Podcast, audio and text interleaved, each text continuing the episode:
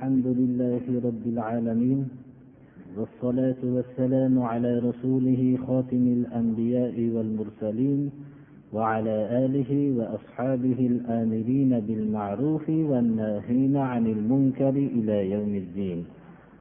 أما بعد السلام عليكم ورحمة الله. الحمد لله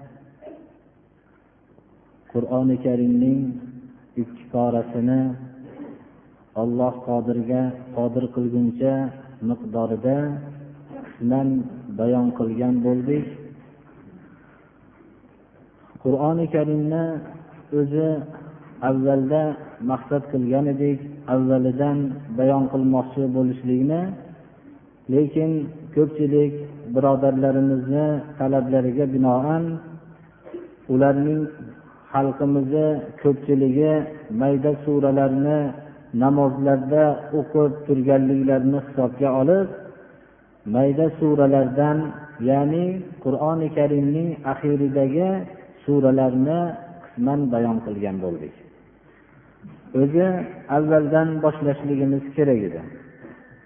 Mana maqsad hosil bo'lgandan keyin endi qur'oni karimning inshaalloh avvalidan boshlaymiz.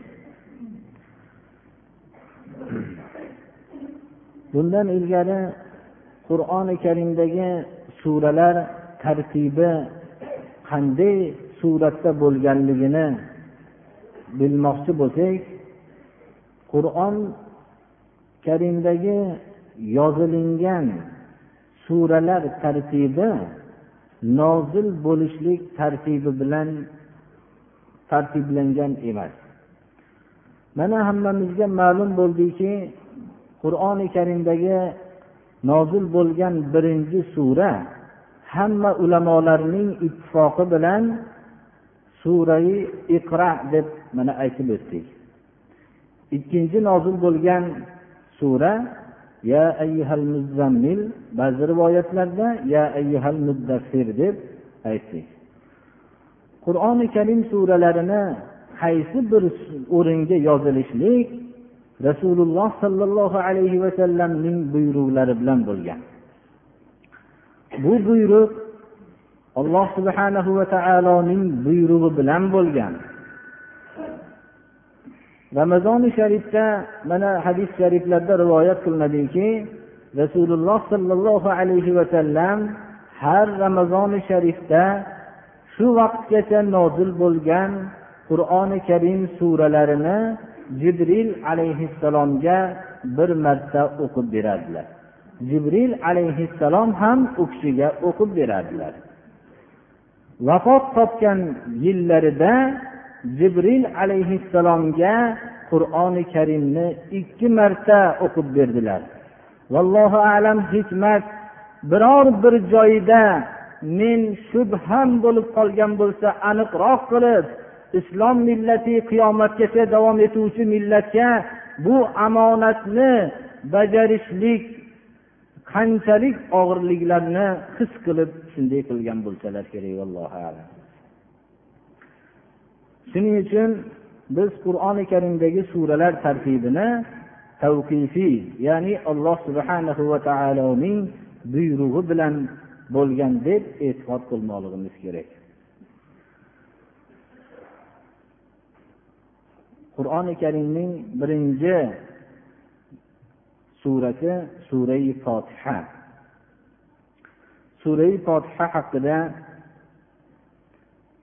imom buxoriy o'zlarining jomii sahihlarini qur'oni karimni tafsir kitobi bayonida quyidagi hadisni keltiradilar oxirgi robiy abu said ibn muallo bu kishi aytadilarki كنت أصلي في المسجد فدعاني رسول الله صلى الله عليه وسلم فلم أجبه فقلت يا رسول الله إني كنت أصلي فقال ألم يقل الله استجيبوا لله وللرسول إذا دعاكم؟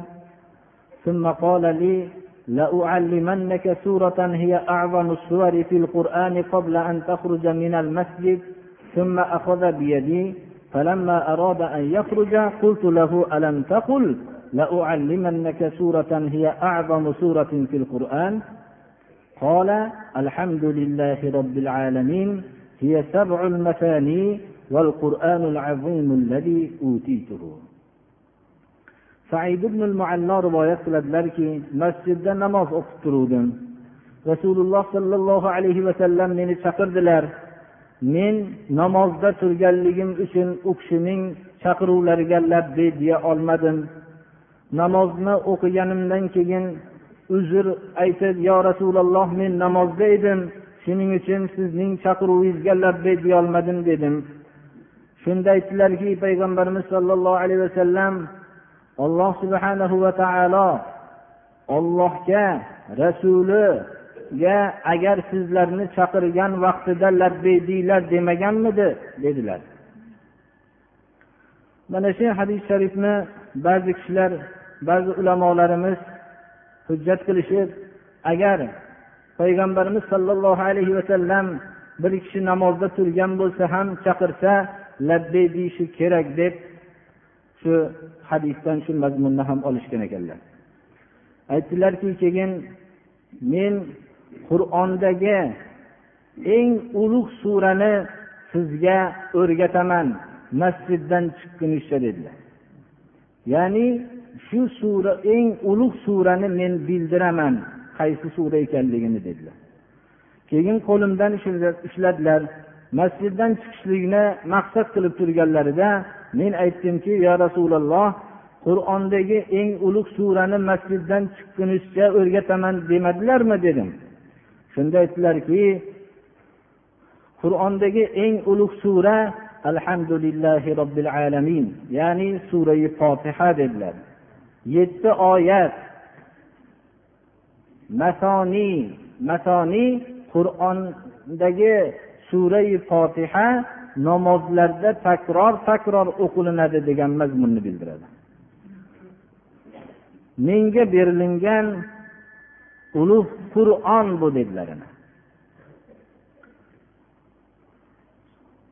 mana bu hadis sharifdan bizlarga ma'lum bo'ladiki alloh subhanahu va taolo surai fotihani janobi rasululloh sollallohu alayhi vasallamga xos qilib nozil qildi bu surai fotihani berganligini alloh taolo qur'onda minnat qilib billah ولقد آتيناك سبعا من المثاني والقرآن العظيم biz sizga yetti oyatni tashkil qiluvchi surani berdik deb alohida qayd qilib aytdi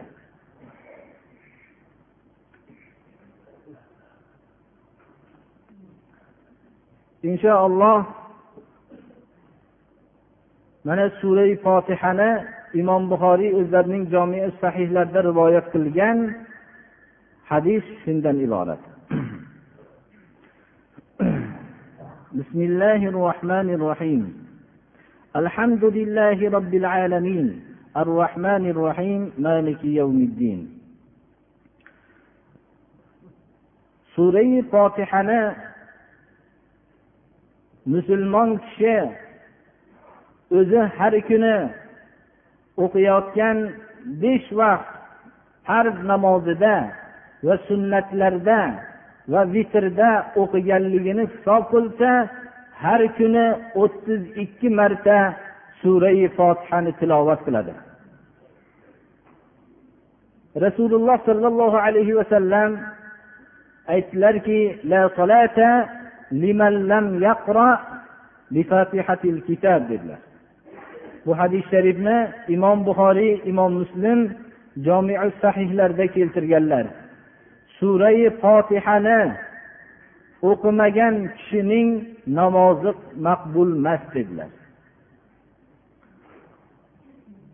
Surai fotihani biz agar mazmunini qisqacha bilsak shundagi surai fotiha o'qilmagan namozning maqbul bo'lmaslik sirini bilishligimiz mana mumkin bo'ladi.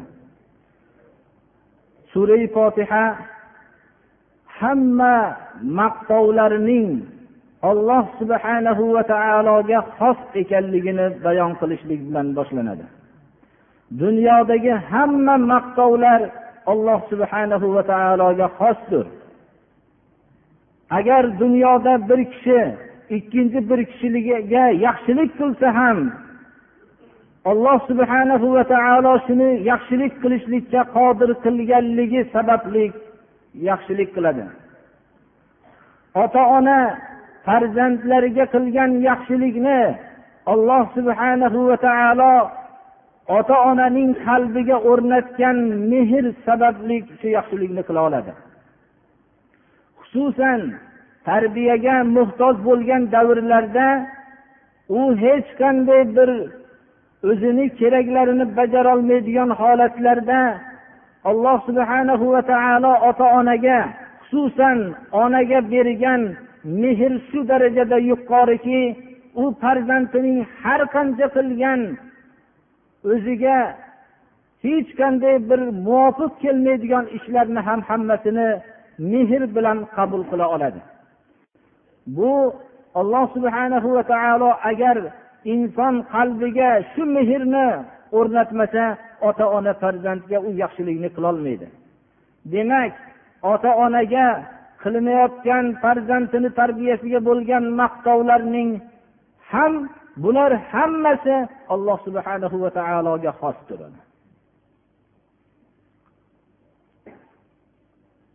ollohga butun maqtovlar xosligi sirlaridan bittasi robbil alamin.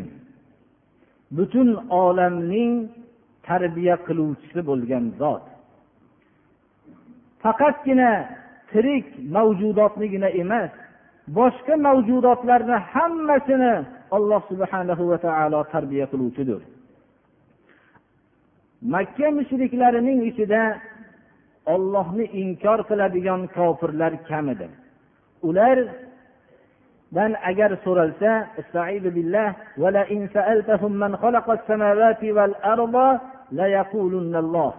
agar ulardan koinoti yerni kim yaratgan deb so'rasangiz olloh deyishadi. Ana ular butlarga sig'inayotganda butlar olamni yaratgan deb e'tiqod qilishmas edi. Ular bizni tarbiya qiladi tarbiyat kunandalarimiz deyishardi. Shuning uchun ularni olloh subhanahu va taolo mushrik deb atadi. Ba'zilari ularga nima uchun ibodat qilishligini so'rashganda javobiga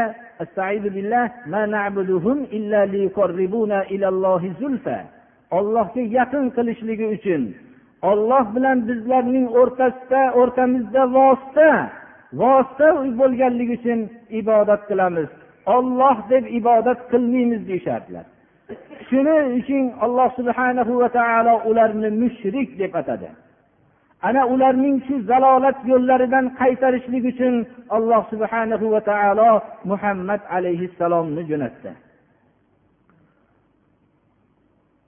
Va yahudiy nasorolar bo'lsa ollohni yakka ollohni tarbiyat kunanda demasdan shu bilan birga ular o'zlarining olimlarini peshvolarini tarbiyat kunanda deb atab olishgan edi. استعيذ بالله اتخذوا احبارهم ورهبانهم اربابا من دون الله ollohdan tashqari ular o'zlarining ya'ni yahudiylar olimlarini nasorolar ham o'zlarining olimlarini xudodan tashqari tarbiyat kunanda qilib olishdi deb alloh subhanahu va taolo ularni malomat qilyapti ana sura fotihaning avvalida mo'min kishiga bu oyat kalima ta'lim beryaptiki butun olamning yagona tarbiyat kunandasi bo'lgan ollohga maqtovlar bo'lsin deyilyapti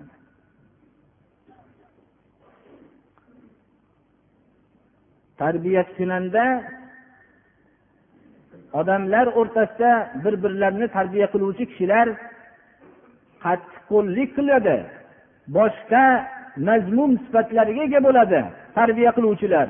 Lekin alloh subhanahu va taolo butun olamning yagona tarbiya kunandasi nihoyatda mehribondir. Nihoyatda rahmdildir. Rahmon hatto alloh subhanahu va taoloning nihoyat darajada mehribonligi o'zini inkor qilgan kofirlarga ham farq qilmasdan rizq beradi. Ana rahmon subhanahu va taolo o'zini inkor qilgan kofirlarga hammasiga rizq beryapti. Ammo rahim sifatining ma'nosi faqat qiyomat kuni o'ziga iymon keltirgan mo'minlarga hukmiga bo'ysungan musulmonlargagina rahm qiluvchidir.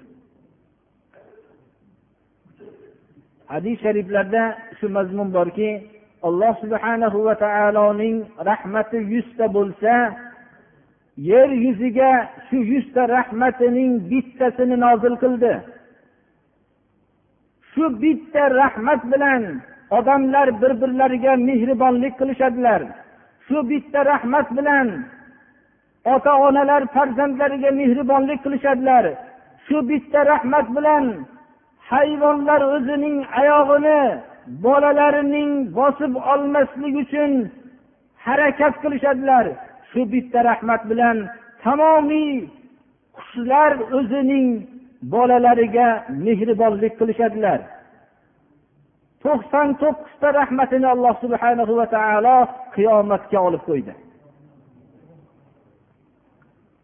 Agar bu alhamdulillahi robbil alamin. To'qson to'qqiz rahmatni qiyomatga olib qo'yganligiga hamdlar bo'lsinki bu qilingan gunohlarga ollohning rahmati bilan agar insonlar jannatga dohil bo'lishlikka sazovor bo'lishmasalar hamma insonlarning qilgan amallari o'zini manfaatiga birodarlar.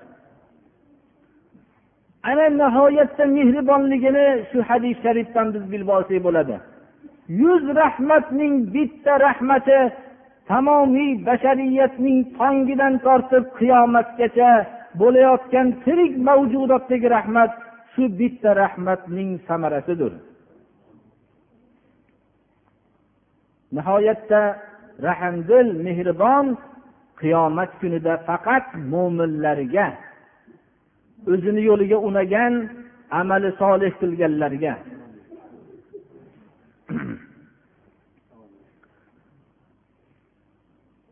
maliki yawmiddin jazo kunining egasi. Inson agar jazo kuniga iymon keltirmasa inson juda xor bir narsa deb e'tibor qilingan bo'ladi. Agar shu hayotdagi qisqa muddatgina insonlar masalasi hal bo'ladigan dunyo bo'lganda nihoyatda insondagi shunday ajoyibotlar olamdagi yaratilingan ajoyibotlar nihoyatda bir arzimas narsa bo'lgan bo'lardi. Qiyomat kuniga unagan kishilar jazoning egasini jazo egasining bo'lishligini qiyomatda qilingan amallarga jazo bo'ladigan kunga iymon keltirgandan keyin o'zining hayotdagi hamma yo'nalishini shu jazo egasining buyruqlariga muvofiq o'tkazishlikka harakat qiladi. Ammo o'lgandan keyingi tirilishlikka unamagan kishilarki ular o'zlarining qisqa hayotlarida imkon boricha o'zlarining shaxsiy manfaatlarini ro'yobga chiqarishlikdan boshqa fikrda bo'lishmaydilar.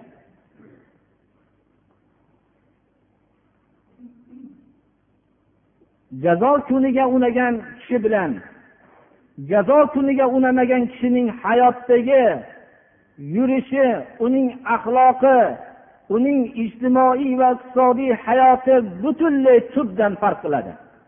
Balki ikkala insonni taqqoslaganda bittasini ya'ni jazo kuniga unagan insonni haqiqiy inson deb atalsa ikkinchi insonni inson deb atashlikka insonni tili bormaydigan darajada hayotini o'tkazadi.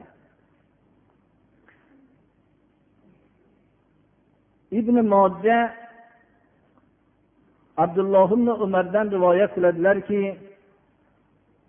abdulloh ibn umar rivoyat qiladilarki bu hadis sharif ibn mojaning sunanlarida keltirilgan. Rasululloh sollallohu alayhi vasallam ashoblariga aytib berdilar إن عبدا من عباد الله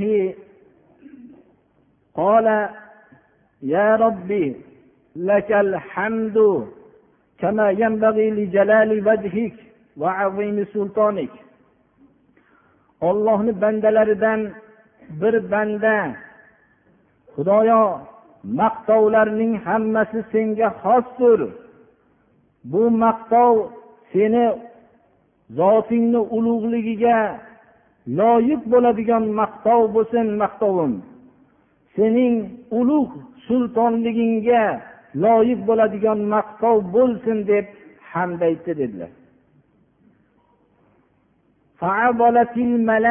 ملكين فلم يدريا كيف يكتبانها فصعدا إلى الله فقال يا ربنا إن عبدا قد قال مقالة لا ندري كيف نكتبها. قال الله وهو أعلم بما قال عبده وما الذي قال عبدي. قال يا رب إنه قال لك الحمد. يا ربي كما ينبغي لجلال وجهك وعظيم سلطانك. فقال الله لهما اكتباها كما قال عبدي حتى يلقاني فأجزيه بها. Ikkovi bizning nomai amollarimiz yozib turuvchi ikki farishtani bu kalima qiynab qo'ydi. Ular bilishmadiki buning ajrini qanday yozishlikni. Alloh subhanahu va taologa iltijo qilishdiki ey robbimiz bandalaringni bittasi bir so'z aytdiki biz uni qanday qilib yozishlikni bilolmayapmiz deyishdi. Alloh subhana va taolo bandasi aytgan narsani biluvchiroq. Lekin maloikalardan suol qildiki bandam nima dedi? Ular aytishdilarki allohumma lakal hamdu lakal hamdu ya robbi kama yanbag'i li jalali vajhika va azimi sultonika dedi deyishdilar. Alloh subhanahu va taolo qanday aytgan bo'lsa shunday yozib qo'yinglar. Buning mukofotini mening bilan uchrimingni oldimga kelganda beraman dedilar. Dedi alloh subhanahu va taolo. Ya'ni insonning ollohga hamd aytishligi ollohni ne'matlariga hamd aytishligi hech bir bandani qo'lidan kelmaydi.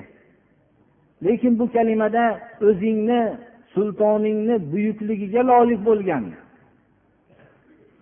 o'zingni zotingni ulug'ligiga loyiq bo'lgan maqtov bo'lsin degan kalimani banda agar ollohga shunday hamd aytsayu olloh uni shunday hamdini shu suratda kutib olsa banda o'zini tilini hamdan ajratmasligi kerak birodarlar.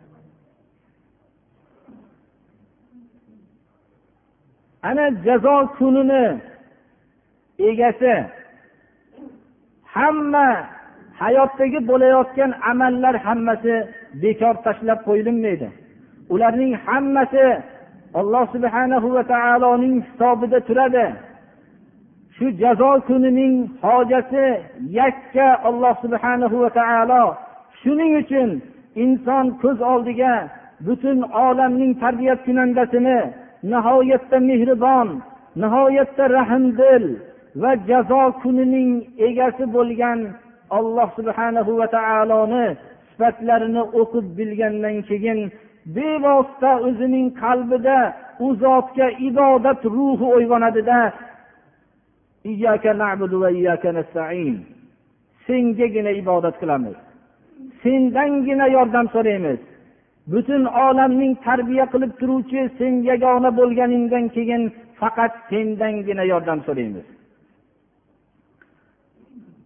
Ana odamlar boshqa yo'llarda islom yo'lidan boshqa yo'lda bir birlariga sig'inib yashashadilar. Odamlar tarafidan tuzilgan maslaklarga ergashadilar. Islom yo'lida odamlar odamlarga sig'inishlikdan ozob bo'lishadi. Mana bu na'budu va nastain sengagina ibodat qilamiz. Ibodatni faqat sengagina qilamiz. Va nastain yordamni sendangina so'raymiz. Yordamni faqat sendangina so'raymiz degan kalima atrofimizda alloh subhanahu va taolo insonlarga bo'ysundirgan asboblardan foydalanishlikni man qilmaydi birodarlar. Atrofdagi hamma bizlarga alloh subhanahu va taolo foydalantirishlik uchun ko'p narsalarni yaratdi va ularning insonni hukmiga bo'ysundirib qo'ydi. Alloh subhanahu va taolo yer yuziga insonni xalifa qildi va bu yaratgan narsalarni hammasini alloh taolo insonga bo'ysundirdiki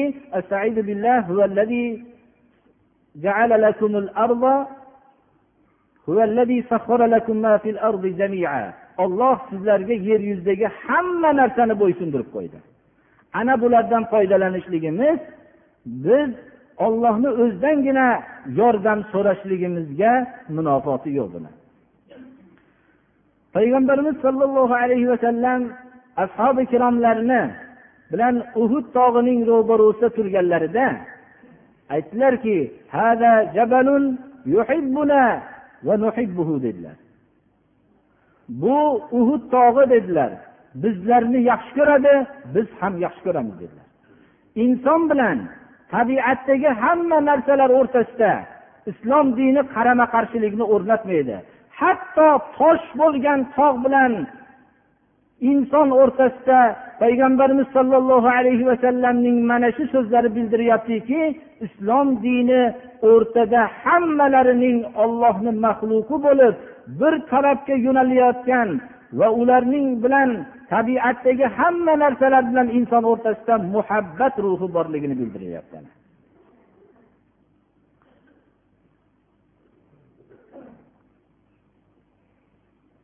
اهدنا الصراط المستقيم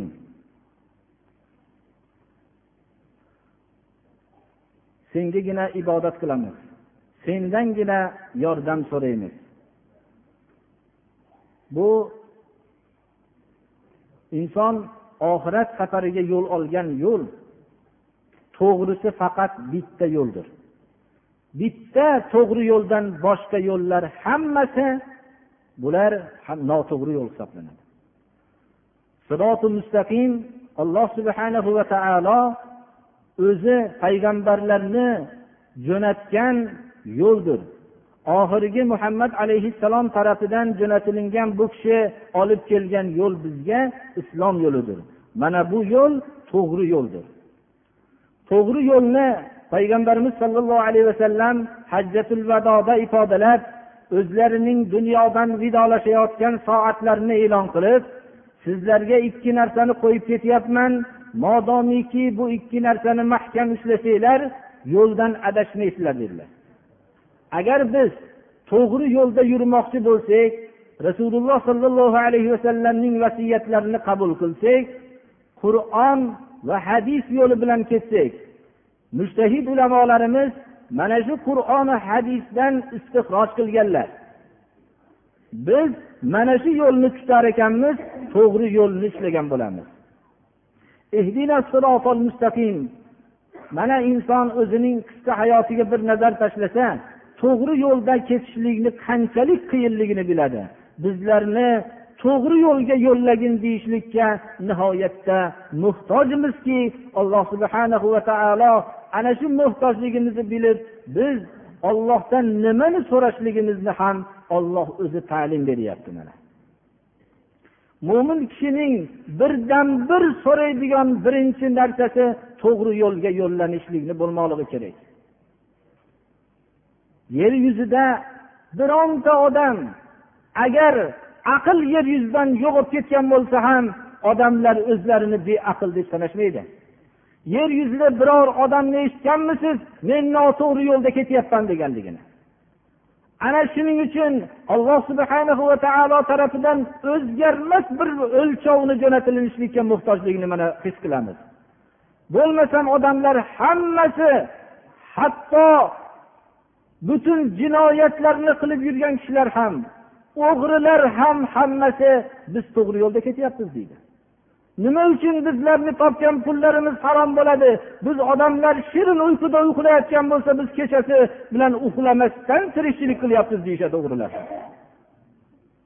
Agar odamlarning to'g'ri yo'lni tanlashlikni o'z ixtiyorlariga qo'yilganda yer yuzida birorta odam to'g'ri yo'ldan chiqmagan hisoblashgan bo'lardi o'zlarini. Shuning uchun alloh subhanahu va taolo to'g'ri yo'l uchun bizga o'lchov jo'natdi bu qur'oni hadis. Har qanday kishini so'zini bizni rabbimiz aytgan ollohi rasuli tarafidan kelgan qur'on hadisga taqqoslaymiz. Agar to'g'ri bo'lmasa biz uni albatta noto'g'ri deymiz.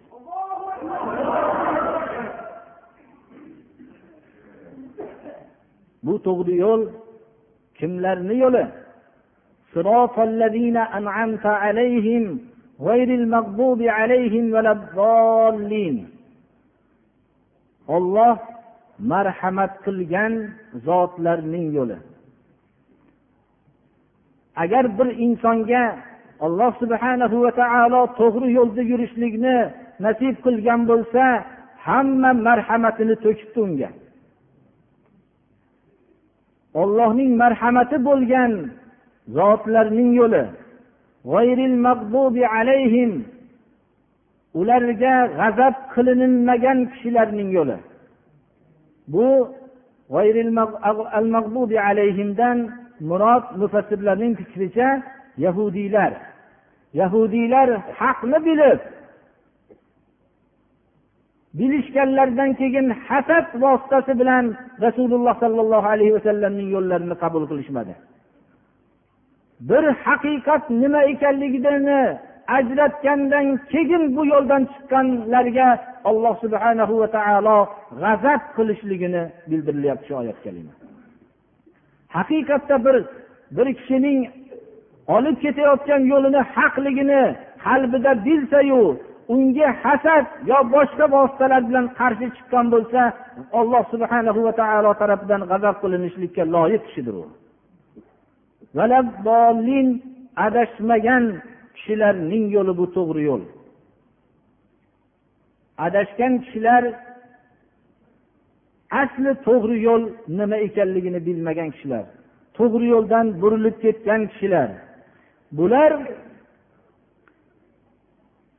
adashgan deb alloh subhanahu va taolo bularni atayapti shu adashmagan kishilarning yo'liga yo'llagin deb duo qilishlikka inson mana muhtojligi uchun alloh subhanahu va taolo bizga nimani so'rashlikni ham ta'lim beryapti abu hurayra rivoyat qiladilarki rasululloh sollallohu alayhi vasallamdan payg'ambarimiz sollallohu alayhi vasallam alloh subhanahu va taolodan rivoyat qilib hadisi qudusiyda ifodalaydilarki يقول الله قسمت الصلاة بيني وبين عبدي نصفين men namozni o'zim bilan bandam o'rtasida ikkiga bo'ldim dedi.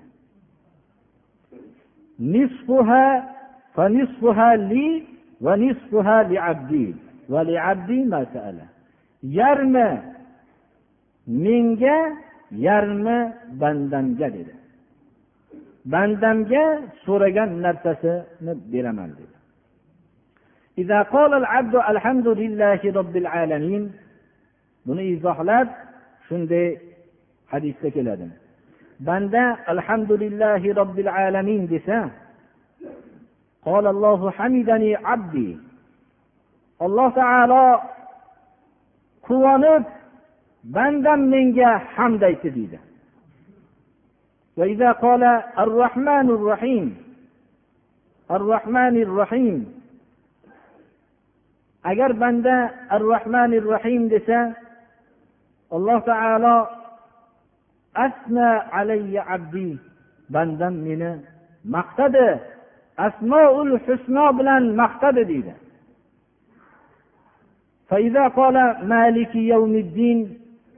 Jazo kunining egasi deb maliki yavmiddinni tilovat qilsa alloh taolo majjadani abdi meni ulug'ladi. Jazo kunining yagona hojati egasi dedi deydi. Agar iyyaka na'budu va iyyaka nasta'in desa qola hada bayni va bayna abdi. Bu men bilan bandam o'rtasidagi narsa. Banda yagona ollohga ibodat qilishlik uchun yaratilgan. Bandaning yaratilishligidan asl maqsad ibodat. Ibodatning keng ma'nosida. Buni buni ko'p aytib o'tdik mana ibodat hayotning har bir tarmog'ini o'z ichiga oladi.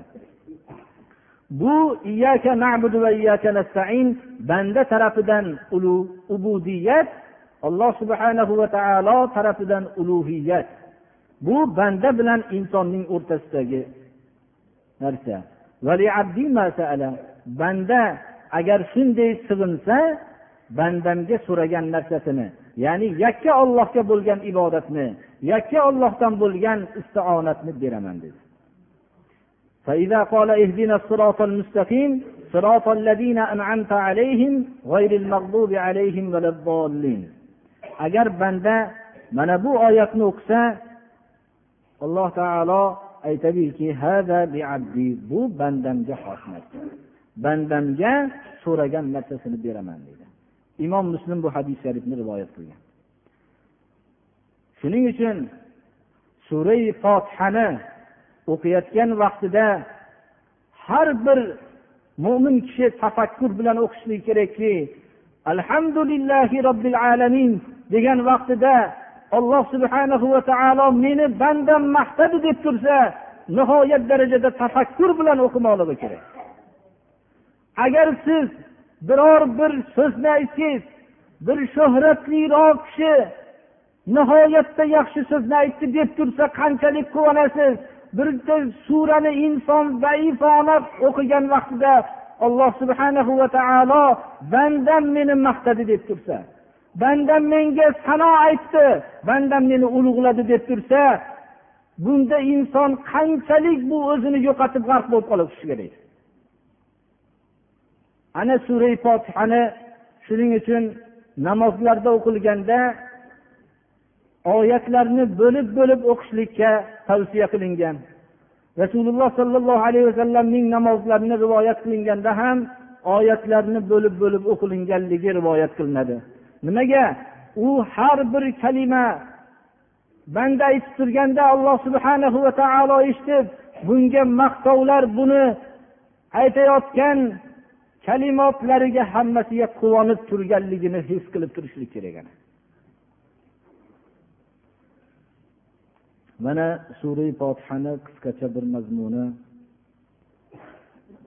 Kalimotlar agar arab tilini bilgan kishilar nihoyat darajada kalimotlar bog'lanadiki surai fotihaning o'z ichiga olgan mazmunni inson ifodalab berishlikka hech qodir emas xuddi boshqa suralarni ham ifodalab berishlikka qodir bo'lmagandek mana hozirgi hadislarda izohlangan mazmunlardan bizga ma'lum bo'ladiki nima uchun bizlarning bizlarga alloh subhanahu va taolo tarafidan farz qilingan namozlarda surai fotihani takror takror o'qishlikni siri mana ma'lum bo'lgan bo'lsa kerak. Chunki biz bu surai fotihani o'qiyotgan vaqtimizda bu kalimotlarni tafakkur bilan aytayotgan vaqtimizda alloh subhanahu va taoloning quvonishligi mana bu kalimotlardan bizga qanchalik manfaatlar bo'lishligini hayotimizda to'g'ri yo'lda ketishlikni ollohdan doim so'rashlikka muhtoj ekanligimiz to'g'ri yo'l olloh marhamat qilgan zotlarning yo'li ekanligi g'azab qilingan kishilarning yo'lidan pano istashligimiz adashgan kishilarning yo'llaridan pano istashligimiz hamma mazmunni o'z ichiga oladi. Shuning uchun sura fotihaning ba'zi mufassir ulamolar o'n ikkita nomini zikr qilinishadi. Shu nomlar ichida ummul qur'on qur'onning onasi. Chunki qur'ondagi hamma mazmunni sura fotiha o'z ichiga olganligidan shunday deb atalgandir. آمين اهدنا الصراط المستقيم صراط الذين أنعمت عليهم غير المغضوب عليهم ولا الضالين آمين allohu akbar shu kalimani ham aytib o'taylik mana hadis shariflarda sura fotihani o'qiganimizdan keyin biz amin deymiz mushtahid ulamolarning ba'zilari buni oshkor aytishlikni ba'zilari maxfiyligi ikkov rivoyatlar ham borligi biz bu haqda munozara qilib o'tirmaymiz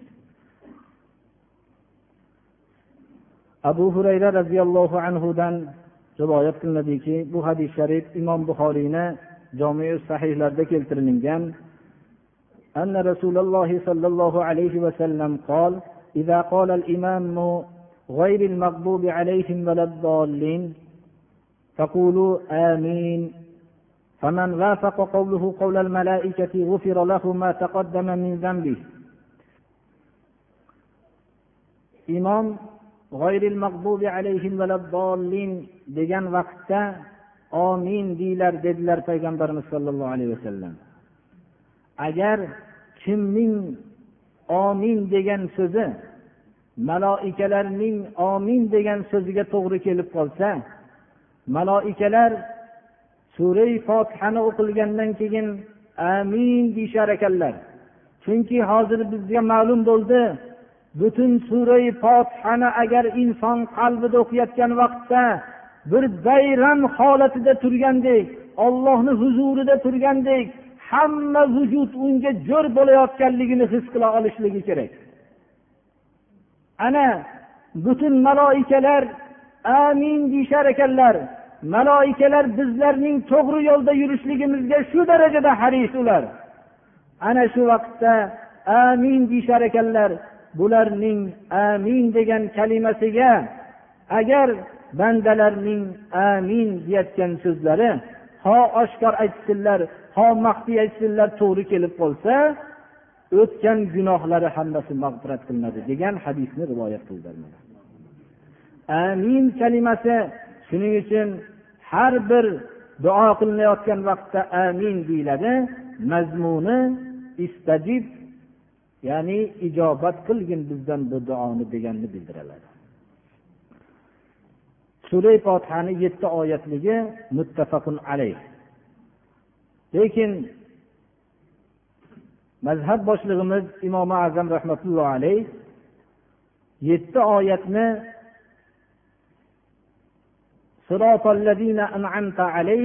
bir oyat g'ayril mag'dubi alayhim valaddolin bir oyat deb izohlaydilar. Sura avvaliga yozilingan bismillahi rohmanir rohim surai fotihadan emas dedilar. Imom shofiy rahmatullohi alayh va boshqa imom molik boshqa mazhab egalari surai fotihaning avvaliga yozilingan bismillahi rohmanir rohim surai fotihadan bir oyat oxirgi hammasi qo'shilib bir oyat deydilar. Qanday bo'lsa ham yetti oyatligi muttafaqun alayh. Bir tavfiq so'rab ba'zilarga duo so'rabdilar duo qilamiz. Bu masala ko'pchilikka taalluqli bo'lganligi uchun darvishona to'g'risida masalani aytib bersangiz deyishibdi. Darvishona deb shuni aytamizki ilgarigi vaqtlarda vallohu alam kambag'al kishilar bo'lishar ekanlar. Biror bir qahatchilik muhtojlik bir yomg'in shunday bo'lsa muhtoj bo'lgan kishilarni bir shularni ko'nglini olsak duoyimizni olloh ijobat qilarmikin deb muhtoj kishilarga bir moddiy va ma'naviy yordam qilishar ekanlar. Shu narsani darvishlar to'planib turgan joyga olib borib berishlikni darveshona deyilar ekan.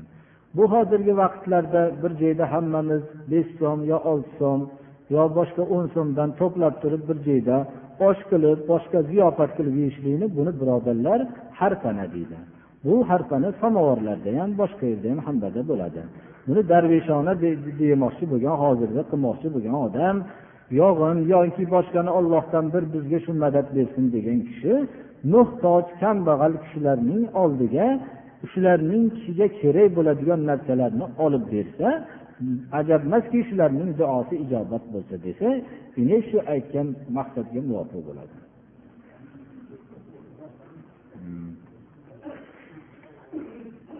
Bir majlisda ya'ni o'tirishda bir birodarimizning fe'lidan yoki gapidan biror bir xatolik o'tsa ozor bo'ladigan gap o'tsa debdilar endi bu narsani biz islom ruhi bilan javob qilamiz. Biror kishiga bir ozor yetadigan so'z bo'lgan bo'lsa uni ogohlantirishlik hammamizni vazifamiz. Lekin ogohlantirishlikni mano qalbda deb aytolmaymizki shuni qaysi o'rinda chiroyli suratda bir ogohlantirishligimiz kerak? Shu o'rin ana hal qiladi buni. Yerda qaysi yo'l bilan bo'lsa ham maqsadimiz uni ezib qo'yish boshqa bo'lmasinu shunga bir haqiqatni bildirishlik bo'lishi kerak. Agar shu qaysi yo'l bilan bo'ladigan bo'lsa shuni qilishimiz kerak. Ba'zi vaqtda qattiqroq muomala foyda qilib qoladi. Ba'zi vaqtda yumshoq qattiq muomala zarar qiladida yumshoqroq muomala qilish kerak. Bu shu o'rin hal qiladi mana. Ho'p bizni masjidi jomiga bir yordam qilganlarga ham bir duo qilinsin debdilar hop alloh taolo hammalarini mana bu birinchi tavfiq insof so'rashibdilar ba'zilar akalariga ba'zilar farzandlariga. Alloh taolo to'g'ri yo'lga boshlasin. Bu bizga yordam qilayotgan kishilarni ham alloh taolo birinchi ularga tavfiq bersin. Agar tavfiqlari bo'lmasa qilgan yordamlarini foydasi bo'lmaydi birodarlar. Alloh taolo ularni to'g'ri yo'lga boshlasin va shu yaxshi qilayotgan yaxshiligi bilan shuni yaxshiligini oxiratdan umid qiladigan mo'minlar safidan joy bersin الحمد لله الذي له ما في السماوات وما في الأرض وله الحمد في الآخرة وهو الحكيم الخبير أحمده سبحانه على ما أسداه وأولاه من الإنعام والخير الكثير وأشهد أن لا إله إلا الله وحده لا شريك له ولا ولد ولا ظهير. وأشهد أن محمدا عبده ورسوله السراج المنير والبشير النذير. اللهم صل على عبدك ورسولك محمد وعلى آله وأصحابه ومن على سبيله إلى الله يسير. وسلم تسليما كثيرا. أعوذ بالله من الشيطان الرجيم. الحمد لله رب العالمين. الرحمن الرحيم. مالك يوم الدين. إياك نعبد وإياك نستعين. اهدنا الصراط المستقيم. صراط الذين أنعمت عليهم غير المغضوب عليهم ولا الضالين.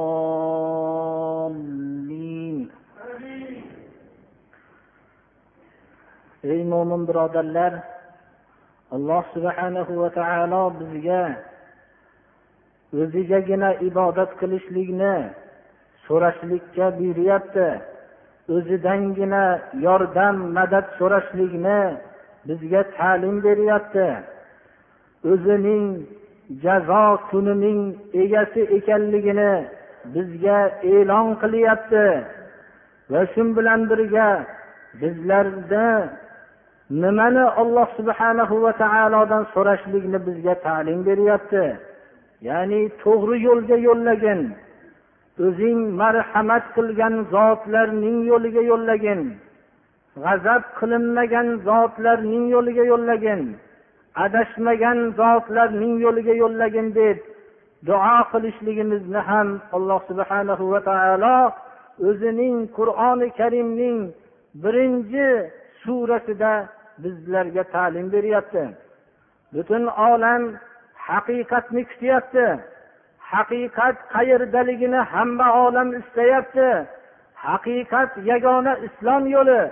Biz musulmonlar o'zlarimizda islomni gavdalantirishlikka harakat qilmoqligimiz kerak. Bizlardagi haqiqiy islom gavdalanmagandan keyin olam haqiqiy islomni ko'ra olmayapti. Bizlar nihoyat darajada hozirgi vaqtda o'zimizning haqiqiy islomimizni o'zimizda ko'rsatishlikka harakat qilaylik. Odamlar bizda haqiqiy islomni ko'rganlaridan keyin yagona haqiqat bo'lgan islomni ko'rishadilarda bunga talpinishib qoladilar. Ularning yo'llariga tushishligiga bizlar agar shunga sabab bo'lib qolsak dunyodagi eng baxtiyor kishilarga aylanamiz. اهدنا الصراط المستقيم صراط الذين أنعمت عليهم غير المغضوب عليهم ولا الضالين.